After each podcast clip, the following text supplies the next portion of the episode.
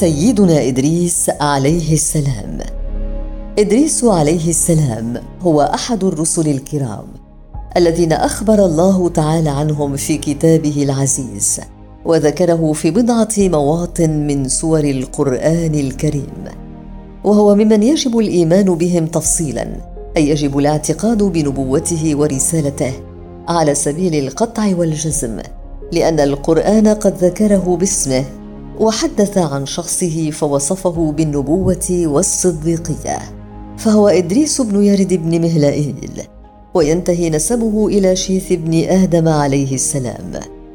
واسمه عند العبرانيين خنوخ وفي الترجمة العربية أخنوخ وهو من أجداد نوح عليه السلام وهو أول بني آدم أعطي النبوة بعد آدم وشيث عليهما السلام.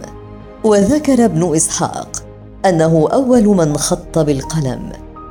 وقد أدرك من حياة آدم عليه السلام ثلاثمائة وثمان سنوات لأن آدم عمر طويلا زهاء ألف سنة. وقد اختلف العلماء في مولده ونشأته فقال بعضهم إن إدريس عليه السلام ولد ببابل وقال آخرون إنه ولد بمصر. والصحيح الأول. وقد أخذ في أول عمره بعلم شيث بن آدم ولما كبر أتاه الله النبوة فنهى المفسدين من بني آدم عن مخالفتهم شريعة آدم وشيث فأطاعه نفر قليل وخالفه جمع غفير. فنوى الرحلة عنهم وأمر من أطاعه منهم بذلك فثقل عليهم الرحيل عن أوطانهم فقالوا له وأين نجد إذا رحلنا مثل بابل؟ فقال إذا هاجرنا رزقنا الله غيره.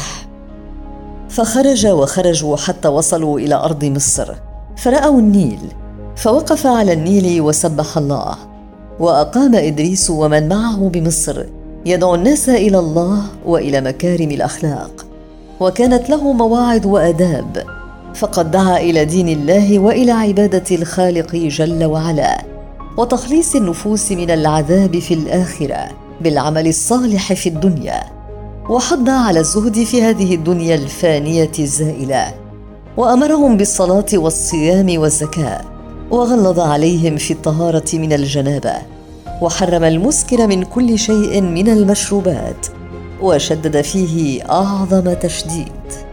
وقيل أنه كان في زمانه اثنان وسبعون لسانا يتكلم الناس بها. وقد علمه الله تعالى منطقهم جميعا ليعلم كل فرقة منهم بلسانهم. وهو أول من علم السياسة المدنية ورسم لقومه قواعد تمدين المدن.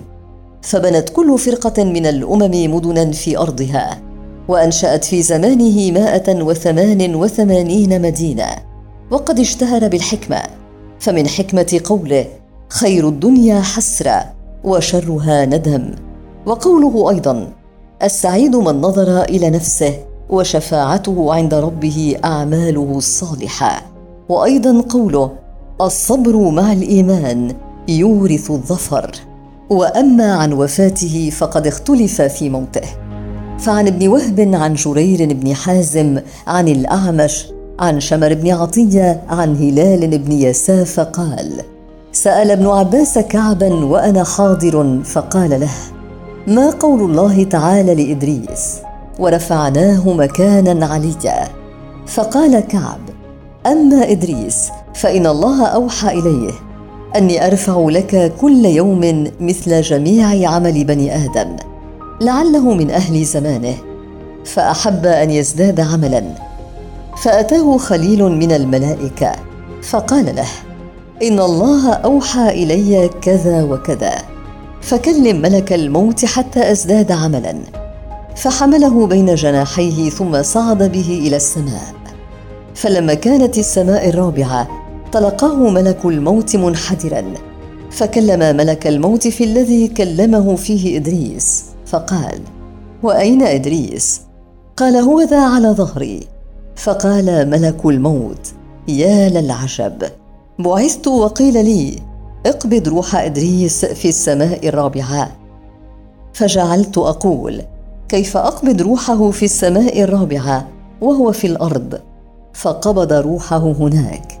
فلذلك قول الله عز وجل ورفعناه مكانا عليا. ورواه ابن أبي حاتم عند تفسيرها. وعنده فقال لذلك الملك سلي ملك الموت كم بقي من عمري فسأله وهو معه كم بقي من عمره؟ فقال لا أدري حتى أنظر. فنظر فقال إنك لتسألني عن رجل ما بقي من عمره إلا طرفة عين. فنظر الملك إلى تحت جناحه إلى إدريس فإذا هو قد قبض وهو لا يشعر. وهذا من الإسرائيليات وفي بعضه نكاره وقول ابن أبي نجيح عن مجاهد في قوله ورفعناه مكانا عليا. قال إدريس رفع ولم يمت كما رفع عيسى.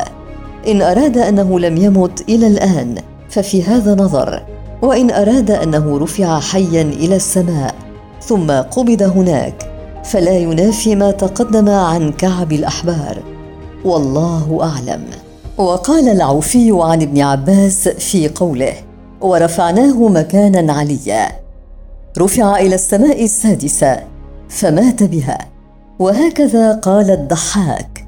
والحديث المتفق عليه من أنه في السماء الرابعة أصح. وهو قول مجاهد وغير واحد. وقال الحسن البصري ورفعناه مكانا عليا قال إلى الجنة وقال قائلون رفع في حياة أبيه يرد بن مهلائيل والله أعلم. وقد زعم بعضهم أن إدريس عليه السلام لم يكن قبل نوح بل في زمان بني إسرائيل. وقال البخاري ويذكر عن ابن مسعود وابن عباس أن إلياس هو إدريس واستأنسوا في ذلك بما جاء في حديث الزهري عن أنس في الإسراء أنه لما مر به عليه السلام قال له مرحبا بالأخ الصالح والنبي الصالح. ولم يقل كما قال آدم وإبراهيم مرحبا بالنبي الصالح والابن الصالح قالوا فلو كان في عمود نسبه لقال له كما قالا له وهذا لا يدل ولا بد. قد لا يكون الراوي حفظه جيدا أو لعله قاله على سبيل الهضم والتواضع ولم ينتصب له في مقام الأبوة. كما انتصب لآدم أبي البشر وإبراهيم الذي هو خليل الرحمن وأكبر أولي العزم بعد محمد صلى الله عليه وسلم. فصلوات الله وسلامه عليهم أجمعين.